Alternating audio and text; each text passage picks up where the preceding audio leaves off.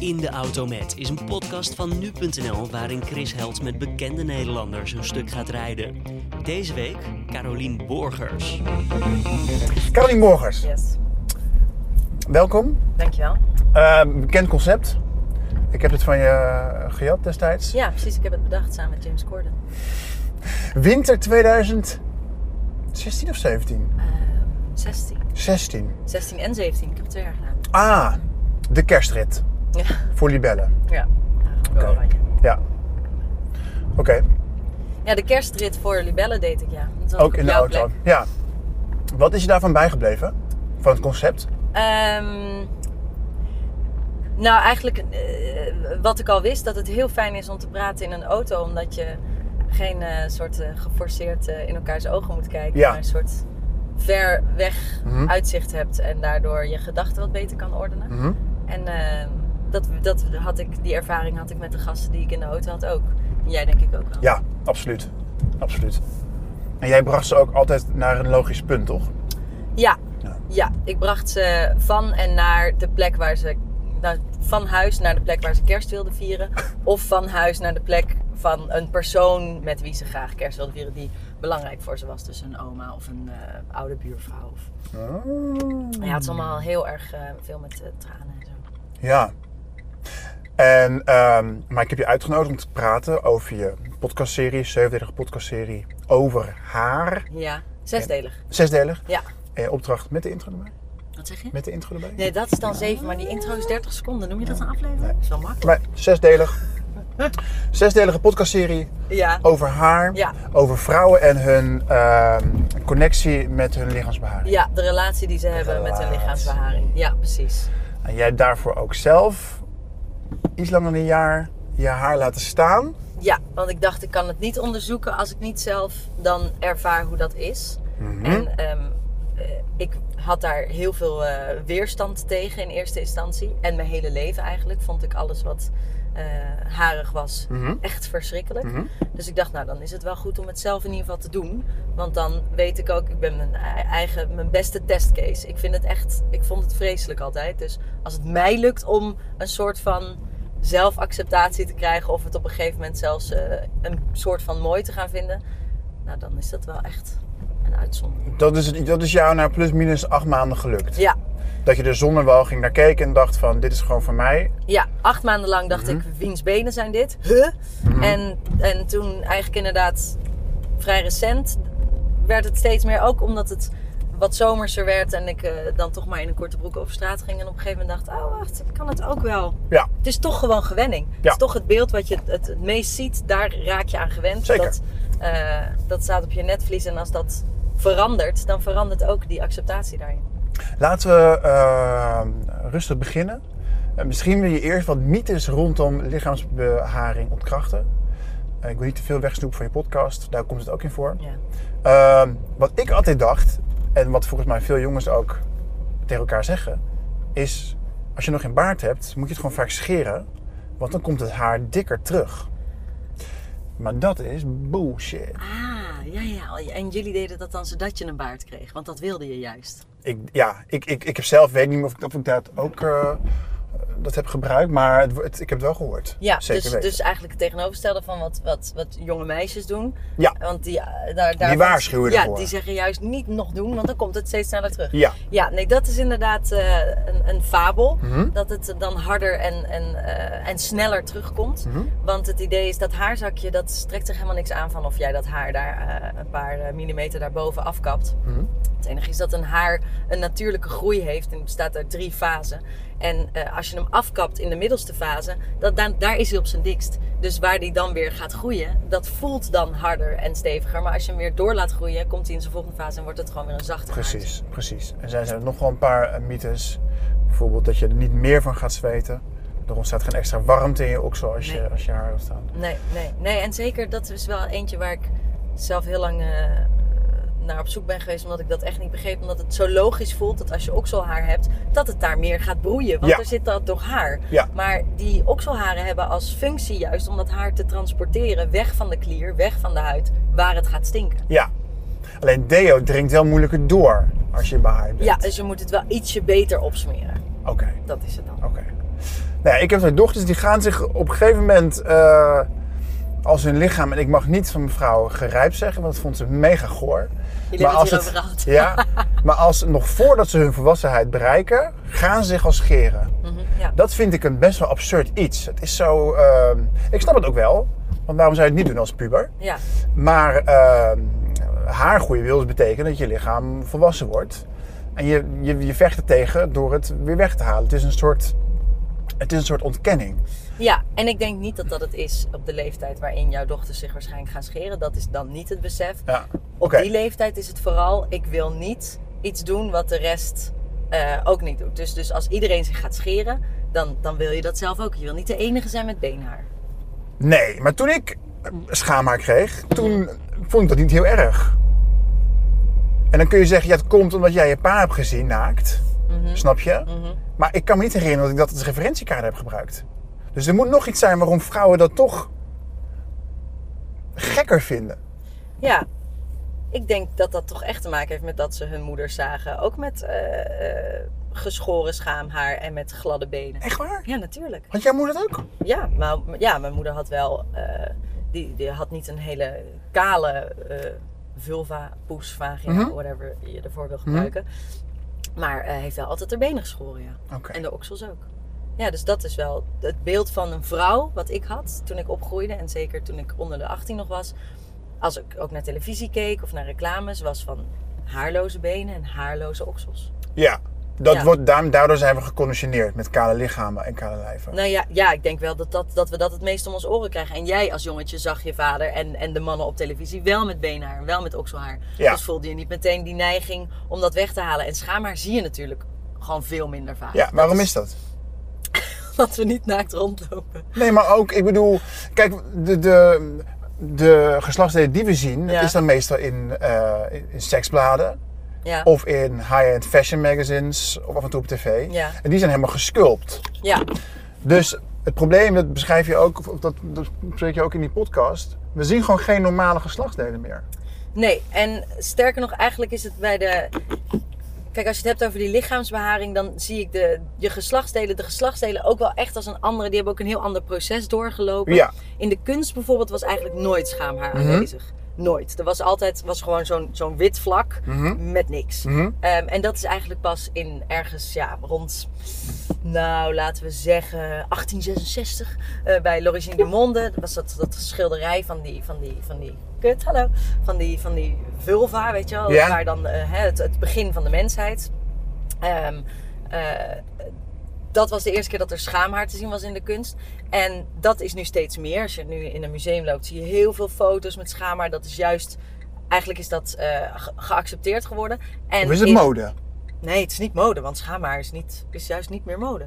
Want in dus het dagelijks leven en in de porno is het precies het tegenovergestelde heeft zich voorgedaan. Waar het eerst altijd wel was, dus altijd een full bush. In de porno-industrie was dat zo, maar ook gewoon bij vrouwen zelf. Vrouwen zijn pas rond 19, nou echt ergens in de jaren 90 hun Ja, schaamhaar toen de. Brazilian Wax eigenlijk eh Precies, intrede deed. ja. Dat eh, beschrijf je ook. Eh, nee, maar ik zeg meer mode, omdat toch veel jonge hippe meiden dat weer laten staan.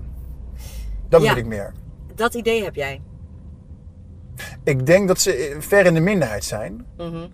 Ehm, en mijn probleem is eigenlijk, als ik het bekijk, ehm, ik schiet er gelijk in zo'n kramp en, en beschouw het als een soort protest. Het zou een soort protest zijn. Eh, of anders wel een soort shock. Als ze het laat staan. Precies. Ja. Dus Ja, omdat het, het is gangbaar nu voor jonge meiden ook om hun hele schaamstreek te ontharen. dat is gangbaar. Ja. ja. Maar er zijn natuurlijk wel individuen die zich erop laten voorstaan om het niet te doen. Ja. En zich daardoor onbewust of bewust mee profileren. Ja. Eh, en toch zie ik het niet als een soort zelfbewuste keus, maar ik zie het toch meer als shock. En dat is misschien ook een eigen tekortkoming. Ehm, Ja, dat is het, het, het probleem met een norm en iets doen wat niet binnen de norm valt. Dat het altijd wordt gezien als shock. ja, Omdat je echt iets doet wat, eh, wat verder niemand doet. ja, Eh, maar het hoeft natuurlijk helemaal geen shock of schok te zijn. Want als je er heel simpel over nadenkt, betekent het gewoon dat je niet elke ochtend eh, je kut staat te scheren. Ja. Of betekent het dat je niet acht eh, behandelingen bij een laserkliniek hebt waar je met weet ik veel wat voor hitte allemaal haartjes worden verbrand. ja. Wat verschri- verschrikkelijk is. En, en, en jij spreekt ook Marja Pruis. Die, dat, Ja. dat is een feminist, journalist, Ik zou haar essayist. niet per- se feminist noemen, columnist en schrijver voor de Groene Amsterdammer. Oké, zij En- zegt, ja, Ja, ze schrijft wel over, over, nou, ze schrijft over van alles, maar niet alleen maar over feminisme. zij zegt iets heel moois. Eh, zij ziet in het, in het onthagen, zeg maar, eh, en verbeter me als ik het eh, verkeerd heb begrepen. Eh, daarin ziet ze het bewijs dat vrouwen geacht worden of opgedragen hebben gekregen of denken dat ze iedere dag moeten werken aan hun vrouwelijkheid. Ze moeten iedere keer het, het, het, het, het feestjes organiserende factor zijn in het leven. Ze moeten hun Het feestnummer. zegt het feestnummer zijn. Ja. Ehm, en nogmaals, eh, eh, er altijd op bedacht zijn dat ze, dat ze, dat ze bekeken worden. dat ze bekeken worden. En ja. te krijgen dat als jong meisje al mee. ja. Wat kun je dan als ouder daartegen doen? Of, of hoef je daar niks tegen te doen? Kun je er gewoon mee leven? Mogen we het gewoon accepteren zoals het is? Ik denk dat het, dat het sterker nog heel lastig is als je eh daar tegen ingaat. Mhm. Omdat we het echt wel hebben geaccepteerd dat vrouwen er op een bepaalde manier uitzien. Ja, En als je dat niet doet, dan. Nou, je weet het nog wel, toen, toen wij opgroeiden had je de alto's en de skaters. Mhm, en, ja. en, en dan hoorde je echt meteen bij een, een groep ja, die eh, niet de norm was, die niet gangbaar was. ja. Dat is wel nu veranderd. Ik heb het idee dat er minder van dat soort eh, subgroepen zijn. Dus dan wordt het voor jouw dochters alleen nog maar moeilijker, denk ik, om daar tegen in te gaan. Dus ik denk als je je kinderen opvoedt, dat je niet per se hoeft eh, te zeggen: hè, ben niet het feestnummer, denk niet aan je uiterlijk. Alleen, eigenlijk de hele reden waarom ik deze podcast heb gemaakt is: je mag het allemaal doen. Je mag, je, je mag alles scheren, je mag alles weghalen. Alleen, het is wel fijn om te weten waarom. Waarom je bepaalde dingen Ja. doet. En als dat is, ik wil er gewoon graag bij horen. Ik wil niet de outcast zijn. Ik wil niet uitgelachen worden. Dat is een volledig legitieme reden om, om daaraan te voldoen. Is het ook de reden dat jij na, een- na een bepaalde tijd weer gestopt bent met het laten groeien? Dat je weer bent gaan scheren? Ik ben niet gaan scheren. Nog steeds niet? Nee. Ik dacht dat je gestopt was. Nee hoor, ik heb nog. Nee. Ik ben niet. Ik scheer nog steeds niet. Want ik hoorde iemand, die had jou gezien op een, Ja. op een festival. En die zei van, nou, ik heb niks gezien. Dus er wordt op je, er wordt op je gelet. Maar Ja. ik zweer het je, want ik heb. Nou ja, goed, ik kan het je zo laten zien. Ja. Nee, ik heb niks. Ik heb alles eh, laten staan. Nou, noemen we dan auteur Al. Die is wel gestopt op een gegeven moment. Ja. Want, want na anderhalf jaar, denk ik, toch zoiets? Ja, anderhalf maar- jaar. Ja. Want die zei van, ik ben gewoon, ik ben moe om tegen de school in te zwemmen. Ja, ze zei het, het was gewoon een gevecht en een, een oorlog die ik niet in mijn eentje wilde voeren. Dus dan komen we terug op de vraag, is het oké om het gewoon te accepteren? Dat we ons opdoffen en... Natuurlijk, dat is, dat, En- is zeker te, dat is zeker te accepteren. Ik denk de mate waarin kunnen we altijd over blijven praten en kunnen we heel veel vragen over stellen. Ehm, maar zeker is dat te accepteren. We kunnen natuurlijk ook niet terug. Ik spreek in de laatste aflevering met Anneke Smeling, Mhm. hoogleraar van de Radboud Universiteit. Vond de sterkste aflevering Visuele cultuur. Ja, Ja. ja. zij is ontzettend goed in hoe ze eh, eigenlijk de huidige tijd duidt. Ja, En zij zegt, we gaan steeds verder af van die, dat dier of dat mens wat we van nature zijn. Ja. We gaan ons steeds meer vormen naar een soort cyborg-achtig eh, ideaal. We worden steeds gladder, gladder en strakker en, en, en ja, cyborg-achtiger. En mannen ook. Jij gaat Ja. er ook aan geloven. ja omdat we ook, zegt ook, wat, wat ik een beetje abstract vond, ze zegt ook van we hebben een affectieve relatie met technologie. We strelen onze telefoon Ja. om commando's te geven. Eh, en dat, dat technologische aspect, dat implementeren in onze lichaamsverzorging. Ja. En ze zegt volgens mij ook dat we moeite hebben om sporen van ouderdom te laten zien. Mhm. En dat het scheren van je lichaam, die visuele jeugdigheid die je daarmee tevoorschijn haalt, een heel makkelijk middel is om controle te behouden over je lichaam. ja. Dat, is natuurlijk ook heel, heel triestig. Nou, het is heel makkelijk. Ze zegt het inderdaad letterlijk. Een botox kost geld. Naar de sportschool gaan om 5 kilo af te vallen. Het kost ontzettend veel moeite en Mhm. Ja. energie. Ja. En het pakken van een scheermesje elke ochtend is een hele simpele manier om te voldoen aan, aan een soort jeugdigheid, aan een, aan een ideaalbeeld wat we, wat we gecreëerd hebben of wat er ontstaan is. Dat begrijp ik heel goed, ja. Maar nogmaals, dat is toch ook best wel sneu. Ja, Maar hoe verhoud jij bent een slimme vrouw. Hoe verhoud jij je daartoe tot toch wel dat opgelegde ideaalbeeld plus onze weigering om of onze, ons, ons, ons streven om boven de natuur te staan. Ja, ons streven om boven de natuur te staan is natuurlijk ook wat ons mens maakt. En wat heeft, ervoor heeft gezorgd dat we hier in deze auto nu rijden. Ja. En, eh, Benzineauto trouwens. Oei. Ja. Ehm, maar dat we deze camera's hier hebben hangen, dat is allemaal eh, een weggaan van een soort natuurlijkheid. Eh, ehm, een oorsprong die we zijn. We zijn natuurlijk eh, geëvolueerd op een bepaalde manier. Ja. Ehm, dus ik heb daar niet zo heel veel op tegen. We hoeven niet helemaal terug naar die oermens. Ik denk alleen als het op een gegeven moment eh, zoveel moeite kost en zoveel tijd kost en, en bijna een soort obsessieve vorm aanneemt. Ja. Dat we in ieder geval met z'n allen kunnen zeggen: hey, is er nog een manier om terug te gaan? Of gaan we dit nu accepteren? Maar dan moeten we wel, wel begrijpen met z'n allen dat het best wel heftig is. En ik geloof dat, dat in deze tijd dat sport, de sportschoolcultuur en de gezond eten en, Ja. en die, die totaal strakke lijven. ehm, het zijn best eh, dingen waar we geobsedeerd door zijn. Voor Heel erg. Heel erg. En dat is verdrietig, op zijn minst. Maar, maar niet ja, niemand aan te rekenen of zo. Dat is, niet een, eh, dat is niet de schuld van iemand. Ja, maar dat frustreert me dus zo erg. Ja, ja, En dat is volgens mij. Nou, het is zo makkelijk. Mhm. Weet je, want we ondergaan het gewoon. Ja. Er is de, dat is ook weer, maar dan is het misschien heel zweverig, maar ook gewoon de illusie van eigen wil is natuurlijk ook dan weer. Ja, die is totaal. Die is, ik, dat, dat, ik denk echt dat we allemaal, eh, als mensen een blinde vlek hebben voor de, de beïnvloeding van buitenaf. We kunnen wel denken over, ik ben autonoom en ik bepaal zelf hoe ik Ja. eruit zie en wat ik doe. Maar heb jij nooit, heb dat je iemand in de stad ziet die er een beetje op jou lijkt en dat je denkt van, oh hè, fuck, ik dacht dat dit mijn stijl was. Oh, Ik heb het zo vaak en dat, doet, en dat is echt eng. Dat je denkt van, doet het pijn? Doet het pijn? Nou, pijn, fysiek niet, maar ik denk wel van, Ja. hoe kan dit nou? Ja, we lijken steeds meer op elkaar. Het is, het is toch echt het cliché op elk festival waar je loopt. Denk je, nou jeetje, wat een leuke stijl heeft die persoon. En dan zie je al de mensen die Mm. eromheen staan. denk je, oh, dat is precies dezelfde stijl. Ja. En kijk eens naar wat ik aan heb. Oh, ik doe ook precies daaraan mee. Ja. Ik denk nu, oh, wat een leuk blouseje en met gekke kleurtjes. Maar als je op een rip-off. Totaal willekeurig festival loopt, ziet iedereen eruit zoals ik. Ja, kan je je daar helemaal tegen gaan verzetten.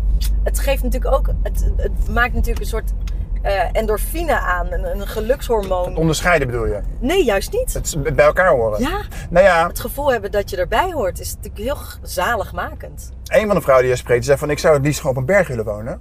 En dan eh, gewoon zijn wie ik ben. Ja, Ehm, dus die heeft dan ook de, de verwachting dat ze in eenzaamheid, iemand anders zal zijn dan in een groepsfunctie. precies, en dichter Ja. bij zichzelf. Ja. Wat ik ook niet helemaal snap. Want waarom zou je dan echter zijn als je wel in eenzaamheid je haar laat staan? Ja, nou misschien dat ze dan gewoon ehm, minder ermee bezig is. Dat is natuurlijk de druk Mhm. van dat oog van de buitenwereld. Mhm. Ehm, dat kan je voor jezelf doen, omdat je er gelukkig van wordt om niet eh, de uitzondering te zijn. Maar je kan het ook als druk ervaren om dus de hele tijd maar mee te moeten doen. Dat kost ook moeite.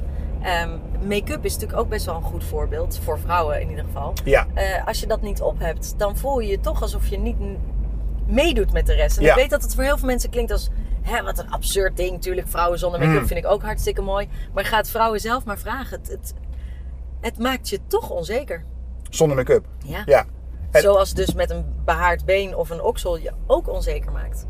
En toch heb je dat nog steeds. Ja, ja omdat ik deze podcast maak. En omdat ik. eh, ehm, het heeft iets, dit is heel persoonlijk hoor. Dit ho- hoeft helemaal verder niemand te ervaren op deze manier. Maar voor me, ik heb gemerkt dat nu ik het dat wel laat staan en er minder om geef, wat mensen daarvan vinden, dat het me ook heel veel rust geeft. Maar je hebt een lange weg afgelegd. Want eh, toen jij mensen daarmee ging confronteren op straat, Ja, dat heeft je zelfs aan het huilen gebracht. Ja. Sommige reacties. ja. Vrouwen hebben gevraagd aan je, ben je aan het solliciteren voor chimpansee? Dat zijn toch dat zijn de gesprekken waarvan je toch denkt als volwassen vrouw van... De, de basisschool heb ik achter me gelaten, dit komt nooit meer terug. Ja. ja, en zo heb ik dat toen inderdaad ervaren. En als ik daar nu aan denk, eh, voel ik dat veel minder. Omdat ik door dat hele proces van die podcast maken en zoveel mensen daarover te spreken, nu vooral denk: wat, wat, wat erg voor die mensen die daar zo op reageren. Snap je? Ja? En dat bedoel ik niet eh, hotel of zo, van ach, die arme mensen. Maar het is zoiets natuurlijks bij ieder mens. En dan hebben we het nog niet eens gehad over het verschil dat ze op jouw okselhaar heel anders reageren dan op mijn Ja, okselhaar. ja, Wat natuurlijk er- ergens nog absurd is. ja. Want tegen mij zullen ze zeggen, het is smerig en onhygiënisch. En tegen jou zullen ze dat niet zeggen. Zullen ze misschien zeggen, nou, hè, Chris knipt het een beetje bij. Maar Ja, ze zullen niet zeggen, gadverdamme. Nee. Ehm, En ik vind dat eigenlijk gewoon vooral verdrietig als je, eh, dat, dat, dat we daar zo in zitten. Dat, dat schoonheidsideaal. En dat is dus met beharing veel erger dan met make-up, snap je? Als je, met make-up, als je zonder make-up de straat op gaat, krijg je wel... Oh, ben je, voel je je niet zo lekker? Of, Maar heb je er dan voor gekozen om toch tegen de stroom in te blijven zwemmen? Of is, is dat het niet? nee, dat is het niet. Tegen de stroom inzwemmen. Nee, ik, ik zie het nu eigenlijk niet meer echt zo. Wat vind je vriend van? Ehm, die moest er in het begin even aan wennen, omdat hij nog nooit een eh, vriendin had gehad die het liet staan. Mhm. Ehm, dus hij, hij moest wel even ook visueel aan dat eh, beeld wennen. Maar inmiddels, ja, ik wil het cliché er niet opgooien, maar ik, het zou toch wel heel erg zijn als hij een verschil in onze relatie zou opmerken. Alleen omdat ik mijn benen niet zou scheren. Dat zou ik, zou ik iets vinden zeggen over mijn relatie. Kun je hem dat verwijten? Ehm, als hij dat zou zeggen? Omdat we toch zo geconditioneerd zijn. Nee, dat zou ik hem niet kunnen verwijten. Nee, maar- toch? Nee, nee, zeker niet. Ik zou het wel jammer vinden als het zo was. Want je zegt wel, het zegt iets over onze relatie. Ja, toch? Als hij zou zeggen, ik vind Nou ja, jou, tuurlijk, tuurlijk. Ik, ik, ik wil nu minder graag bij je zijn. Ik, ik, vind het helemaal gelegitimeerd als hij zegt, ik vind het minder mooi. Dat, dat, kan, dat kan ik me heel goed voorstellen. Maar mij daardoor minder mooi vinden en onze relatie minder leuk vinden, zou wel ver gaan, toch? Maar het zou kunnen, ja. Zo ver gaan, ja. Ik weet wel dat er mannen zijn die, als het eh, schaamhaar niet geschoren is, het echt... Nou, dat zit ook in de podcast. Die echt zeggen, eh, sorry, maar ik vind dit helemaal niks. Nee, want orale seks wordt het er ook heel anders door. Ja, Het is toch ook, ja. Ja, dat denk, ja, dat denk ik wel, ja. Ja, en is dat bij mannen dan ook zo? Ja, natuurlijk. Ja, het ligt eraan hoe groot je lul is natuurlijk. Ehm, maar ik heb het gevoel dat je ook nog voor een deel uit plichtsbesef naar die podcast toe. Ja, misschien Is dat wel. ook zo? Ja, misschien wel. Is dat erg? Nee. Nee, maar ik denk, ja, zeker zal dat ook wel zo zijn. Ehm, ik, ik, ik zou het liefst me af en toe scheren en, en, eh, en, en af en toe niet. Ehm, Waarom lukt dat niet? Nou, het probleem is een beetje met je benen. Dat als, je die, als ik dat nu zou gaan scheren, dan ga ik de eerste drie weken dat ik het weer laat staan, heel veel jeuk krijgen. Ja. Dus ik vind dit nu eigenlijk fijner door het niet te scheren. Want dan weet ik dat ik in ieder geval die jeuk niet krijg. Ik vind eigenlijk die stoppels en jeukfase vind ik het meest irritant. Dus, dus haar zelf vind ik wel meevallen. je hebt een praktische reden en je hebt een ideologische reden. Ja, misschien ja. ja. Maar ik zou er ook niet eh, te ideologisch in willen zijn dat ik, eh, het, dat ik me nu voorneem om nooit meer mijn benen te scheren of mijn oksels. Dat zie ik niet. eh, het kan best dat ik dat weer ga doen. Zoals ik ook graag zou willen dat iedereen dat doet. Kijk, als het een keuze is, Mhm. als je de keuze hebt om het wel of niet te doen, dat is voor mij staat gelijk aan vrijheid. Want keuze is vrijheid. Maar de esthetiek die er nu, volgens mij, voor mijn gevoel, leeft in de samenleving, beperkt die vrijheid. Het is voor vrouwen eigenlijk niet mogelijk om met be- harige benen en harige oksels op straat te lopen. Omdat ze dan opmerkingen krijgen. Krijg jij die ook nog steeds? Hoor je ze nog steeds? Ehm, ik denk dat, dat nu de plekken waar ik kom, dat dat minder is. Omdat ik in Amsterdam woon en eh, als ik naar een festival ga, dan eh, is dat met een beetje rare kleren dragende mensen die daar niet, zoveel, niet zo van opkijken. Maar ik kan me wel voorstellen dat eh, op andere plekken dat wel zo is, ja. Maar dat ervaar je niet. Nee, nu nog niet. Daar zorg je ook voor misschien. Ja, misschien. Is dat erg? Nee, denk het niet. Het is een beetje zelfbescherming misschien. Het is gewoon niet zo fijn als mensen je vies en onverzorgd vinden.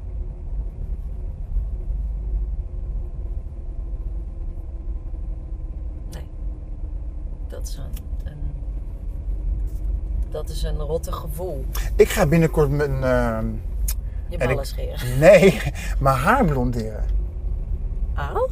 Waarom? Ja, en dan zeg je van, wat heeft dat ermee te maken? Nou, ik denk dat ik daardoor ook, en ik denk dat het samenvalt met het, misschien wel met het laten staan van je lichaamshaar. Ja. Je, je wordt daarmee visueel kwetsbaarder. Mhm. Je, biedt weer, je biedt weer een soort oppervlakte voor andere mensen om je aan te vallen. Hm. En daardoor, daarvan verwacht ik dat ik daardoor mentaal sterker zal worden. Plus, ik vind het ook mooi. Ja. Maar ik Waarom vind je het mooi? Waar heb je het gezien? Eh, Ryan Gosling, Place Beyond the Pines. Shout-out naar je. Oké, tuurlijk, Ryan Gosling. Ja, ja, ja. Nee, Dus ja. ehm, je voegt jezelf iets toe. Je, je weet, je wordt hier. Ja. Je kan niet, er, zijn, er zullen plekken zijn, situaties zijn waarop je op een dag je niet zo goed voelt. En, Waar ben je het meest bang voor, wat mensen tegen je zullen zeggen?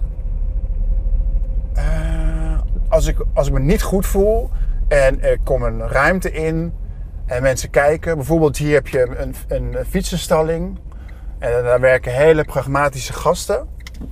Eh, hele normalo's. Dat die me aankijken en dan met elkaar gaan gniffelen. En dat ik dan net eventjes me verstap of zo. En alles gewoon in één keer kut is. Ja, ja. Of dat je...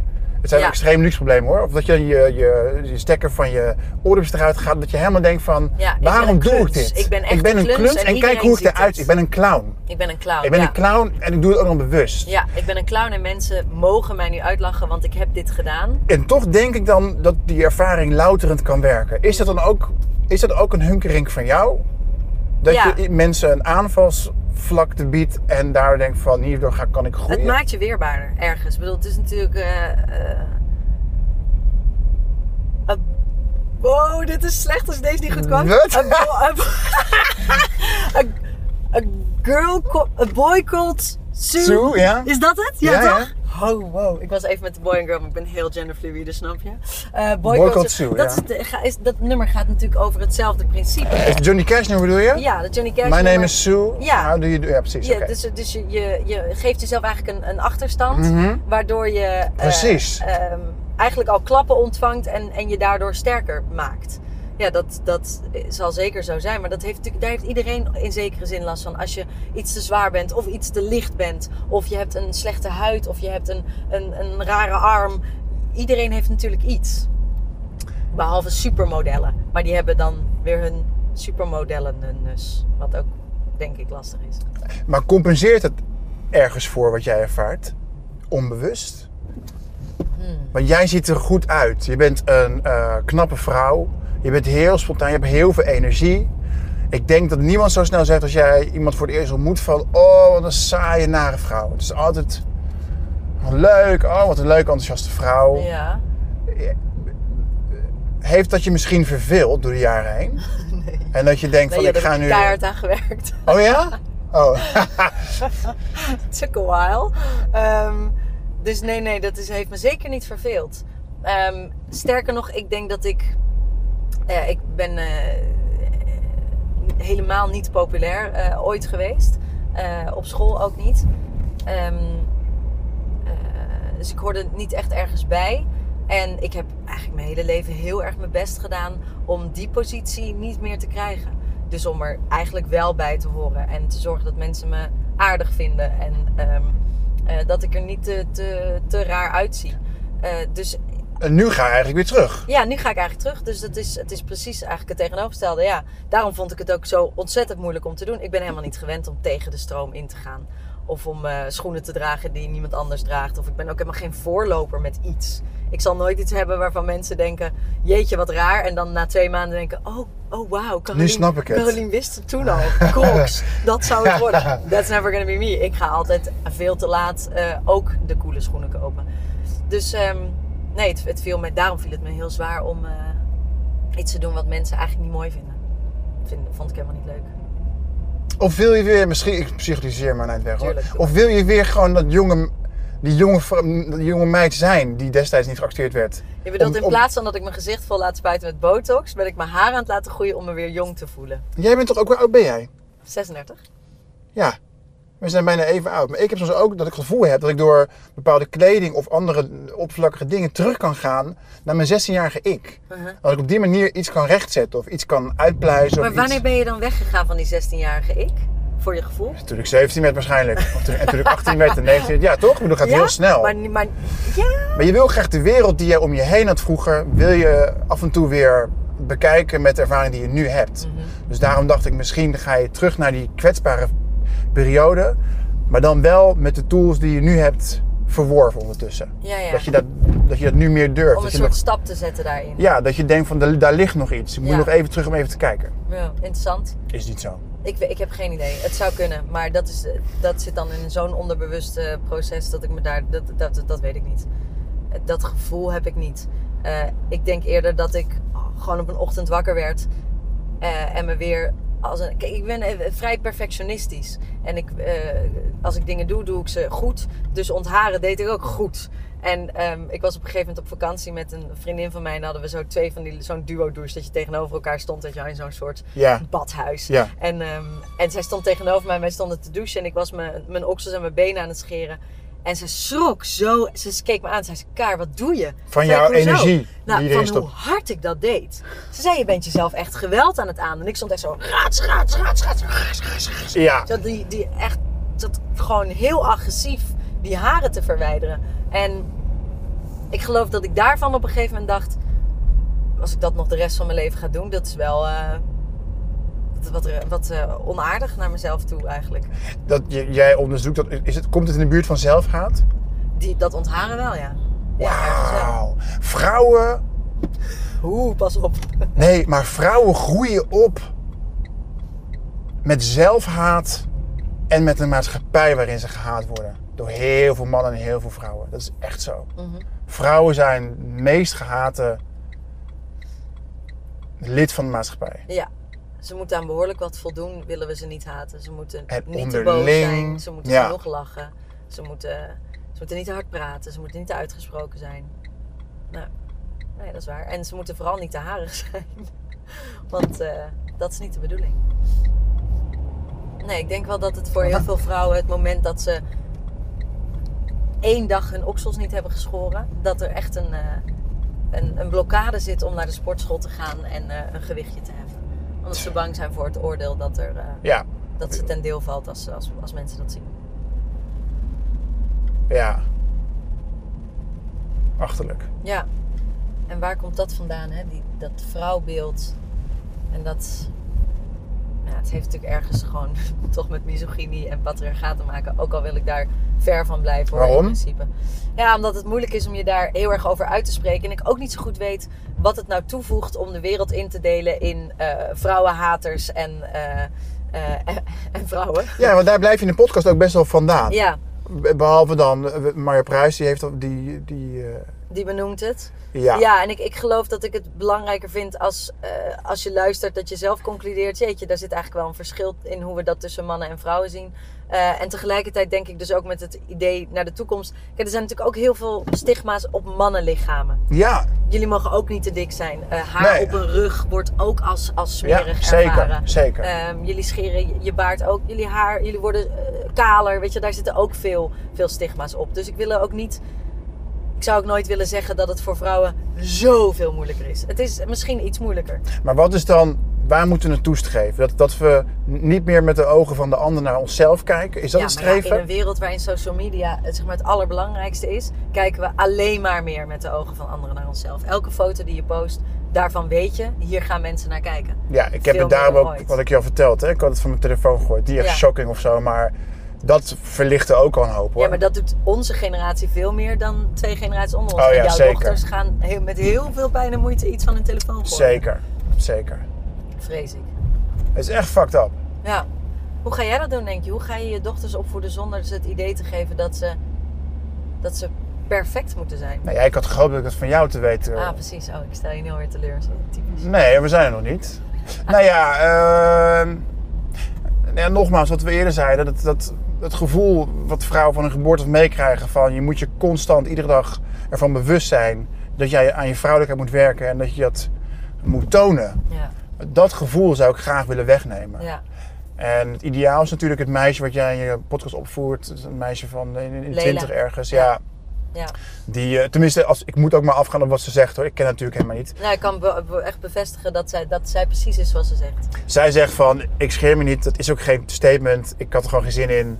En, En- ik vind mezelf prachtig zoals ik ben. Dat zegt ze Ja, niet letterlijk. ja. Maar de subtekst is gewoon, het maakt mij niet uit. En als je me niet leuk vindt zoals ik ben, ja, dan vind ik jou ook niet zo leuk om met mij om te gaan. Nee. En dat is zo'n logische redenering. Ja. Maar ze staat zo ver van alles wat we nu om ons heen zien. Ja. Ik, eh, toen je zei, hoe gaan we dat nou doen? Dacht ik toch in eerste instantie rolmodellen. Ehm, Wat bedoel je? We gaan vrouwen en mannen die ons een, een ander beeld voorschotelen. Ja. Een beeld dat, eh, dat eh, in die zin flexibeler is in wat schoonheid is. Ja. En ik zat Billie Eilish staat natuurlijk op Lowlands Mhm. dit weekend en daar moest ik opeens aan denken. Dat is wel zo'n zo'n jong meisje, mag ik zeggen, want ze is 17. eh, dat in staat is om dat beeld te veranderen met miljoenen volgers. Ehm Emily Ratajkowski, dit die hele knappe. Emirata is ze op ja, Instagram. maar dat Nee. ken ik niet meer. Nou, zo'n heel knap model, echt prachtig. Die stond op de voorkant van de Harper's Bazaar met okselhaar Ja. eh, vorige week. Kijk, of het echt iets bijdraagt, weet ik niet. Maar als iets gaat helpen, dan zijn het de grote rolmodellen in onze samenleving. De mensen die zich ehm, de hele tijd laten zien. Nou, het als zij zich is- op een andere manier laten zien, dan gaan we dat volgen. Ja, maar dat is meestal maar tijdelijk hè, als dat ze doen. Of het nou. Julia Roberts is of Femke Louise. Ja, dat is is allemaal- tijdelijk. Nou, dan moet dat niet meer tijdelijk zijn. Dan moeten ze echt daar een statement in gaan maken. Dat zou, dat zou denk ik ideaal zijn. Er wordt de hele tijd, ook aan, naar aanleiding van deze podcast, wordt er vaak gezegd... Voor knappe vrouwen is het veel makkelijker om hun okselhaar te laten staan en hun benen. Want Is ja, dat die, zo? Zijn, die zijn sowieso al knap. Ik denk dat Ik dat denk zo- het wel. Ik denk het ook. Tegelijkertijd zijn het ook vrouwen die dus gewend zijn om geen imperfecties te hebben. Dus het is ook juist één ding kan dan veel zwaarder wegen. Dus Ja. dat weet ik niet zo zeker. Ja. En, maar tegelijkertijd denk ik ook, als, als de knappe vrouwen of de vrouwen die een beetje hè, in de picture staan het niet doen. Ik bedoel, ja, als je een jaar of 50 bent en eh, je werkt van 9 tot 5, eh, je hebt een hartstikke leuke baan, maar je zit eh, op een kantoor, dan ga je niet die, die voortrekker Nee. zijn. Nee, nee, nee, nee, nee, nee. Je hebt wel anders aan je hoofd. Ja, je hebt inderdaad wel wat anders aan je hoofd. Dan moet je je kinderen opvoeden. Ja, de Dus haat als- van je collega's. Ja, en als je dan eh, in de bladen vrouwen ziet die, die gewoon lekker beenhaar hebben of, of okselhaar. En je denkt de volgende keer dat je onder de douche staat, want je moet om half negen op, je, op kantoor zijn. Nou weet je wat, ik laat het mes eens even een keertje liggen. Ik denk dat dat fantastisch is. Eh, laatste keer dat ik aan hoor, maar eh, die M- Maya Pruis, Ja, die zeggen ook van het, het scheren van, eh, van, je, van je geslachtsdeel, Ja. dat, is dan, dat is dan ook een beetje ver- verderfelijk, want het is dan alsof je je portaaltje voor een ander aan het bijhouden bent. ja. Daar is toch niks mis mee? Nee, dat, dat vraag ik me ook af. Er is in principe niks mis mee. Tegelijkertijd maak je het eh, portaaltje dan ook wel enkel en alleen voor iemand anders. Terwijl Maar dat klopt toch niet? Want je ervaart toch allebei dan toch genot? Ja, maar dat, dat heeft dan alleen met het genot te maken, met het seksuele genot. Maar je hebt, dat, je hebt je kunt natuurlijk ook voor andere dingen. Ja, Je menstrueert en je plast en je... ja. Het is niet alleen iets wat je gebruikt eh, eh, om seks mee te hebben. Nee. Dus ik kan me voorstellen dat je daar rekening mee houdt. En dat het misschien eh, leuk is om aan je partner te vragen wat die persoon fijn vindt. Maar ik geloof ook dat het nog heel belangrijk is dat als jij het fijn vindt, dat, het, dat daar een beetje haar op zit. Dat dat gewoon jouw eigen keuze is en dat dat kan. Daarbij is dat scheren van die schaamstreek ook echt wel. ehm, zeker als je het met een mes doet. Er komen veel wondjes, hè? Het is echt, echt veel rode bulten en zo. Het is. Ja, het is niet zo erg om het af en toe niet te doen en het gewoon te laten staan.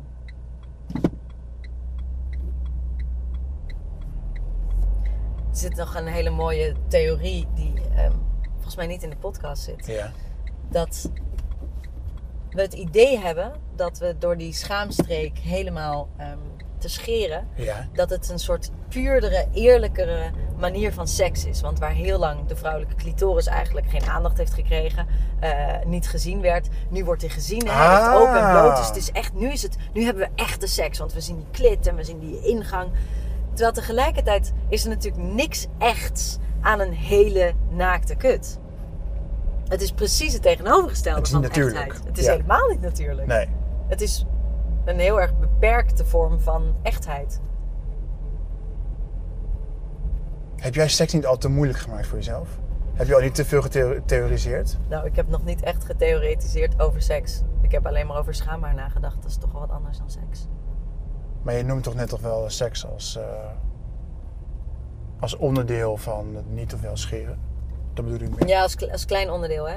Ik noem- benoemde het echt als, als bijna een derde onderdeel. Ik vind het ook, je, je geslachtsdeel is echt ook, heeft ook echt hele andere functies. Ehm, en seks is toch gewoon, eh, ja, ik wil niet een cliché eh, gebruiken, maar het is toch voornamelijk overgave. Oh ja, zie je dat zo? Toch? Lekkere seks is toch gewoon, Van beide kanten? ja, Oh, zo, oké. Ja, ja, is toch gewoon ja. lekker en, en je zweet en dat ruikt en ja, mm, Ja. Dat, dat lijkt me meer seks dan Oeh, alles is glad. Er is geen enkel haartje. Ja, maak het alsjeblieft niet vies. Oeh, oh, maak het niet vies. Lik me, maar, maar, maar proef verder niks, alsjeblieft. Ja. Dus ik denk niet dat dat. Kijk, ik kan me voorstellen, Lela zegt dat ook in de podcast. In ieder geval tijdens het interview met, wat ik met haar had. Dat ze het soms wel lekker vindt om, om er schaamhaar weg te halen. Omdat het dan wat lekker glibberig is. En dat, vindt, dat vindt ze een fijn gevoel. Fantastisch. ja. Doe dat zeker. Het ideaal is niet meer van of je het wel of niet mag hebben, maar iedereen moet gewoon een keuze hebben. Ja, ik denk het wel. Oké. Dat zou, volgens mij is dat de ultieme vrijheid. Soms het laten staan, soms het weghalen. En zeker ver vandaan blijven dat je andere mensen er heel erg op veroordeelt en het eh, smerig vindt. Of eh, echt iets van mensen vindt als ze dat niet doen.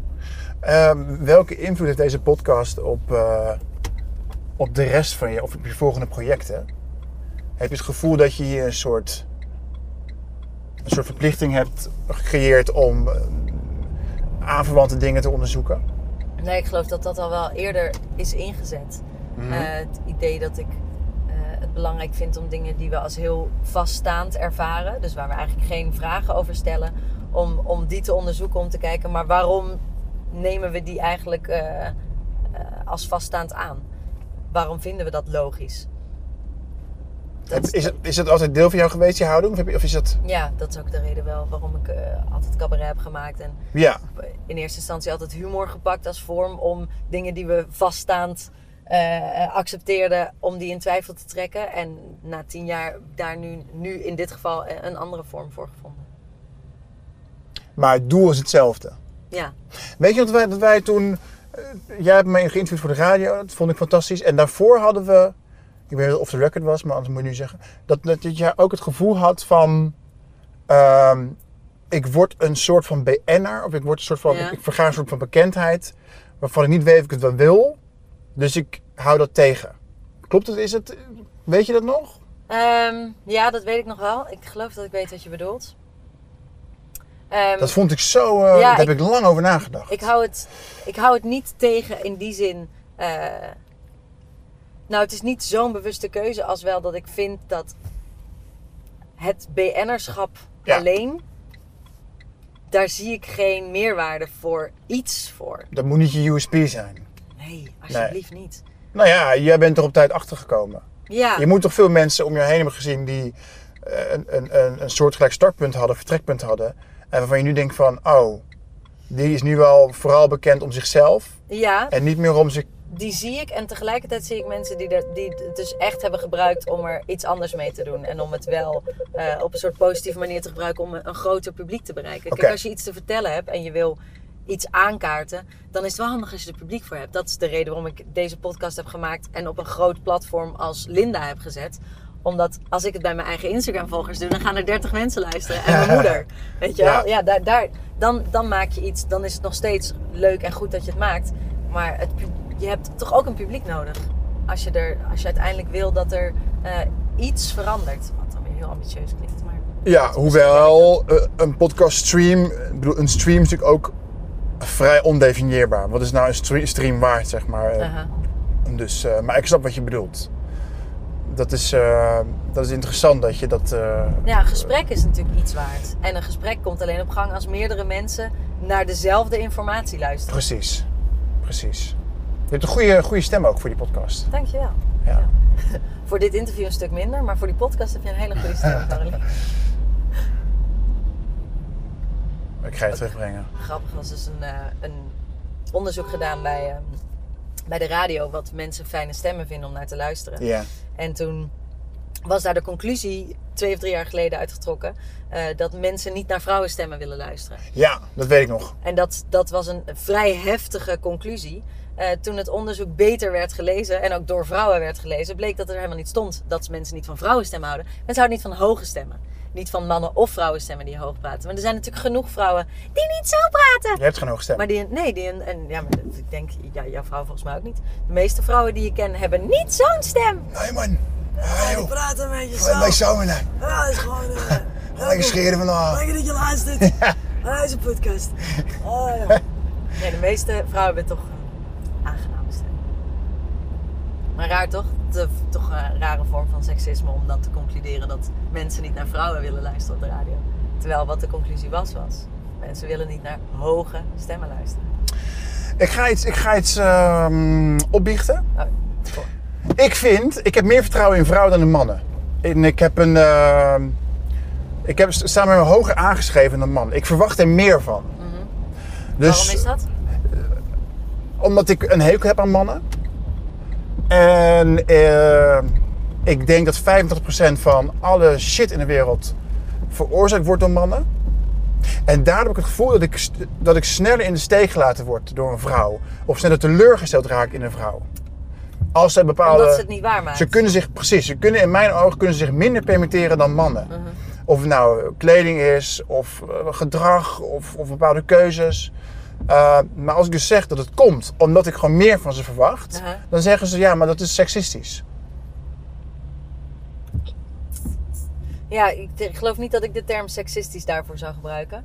Ehm, Maar je, je mag toch gewoon. Oh, daar gaan we weer. ja, nou, je, je- het is wel interessant om voor jezelf uit te zoeken waarom je dan van vrouwen zoveel meer verwacht dan van mannen. Misschien- Als, als die wereld die gecreëerd is, waar jij zo'n hekel aan hebt, Ja. door mannen gemaakt is, zou je toch verwachten dat je van mannen verwacht dat ze dat veranderen. En niet van vrouwen, die daar al het slachtoffer van zijn geweest, van die hele mannenwereld. Nee, dan verwacht ik van vrouwen dat ze iets soortgelijke acties doen. Nee, maar ja, je kan het ze ook niet kwalijk nemen, want ze zijn opgevoed in een wereld waar dat de norm is. Ja.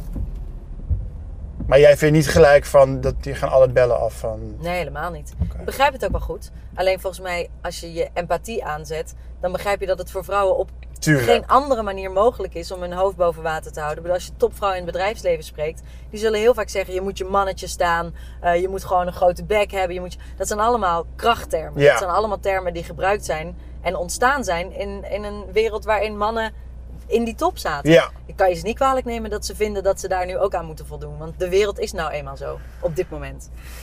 Als je dat wil Gaat veranderen. meer veranderen. Denk je niet? Nee. Nee. Nee. Ik denk het wel. Want dat we ook zo erg ons best doen om niet meer op dieren te lijken.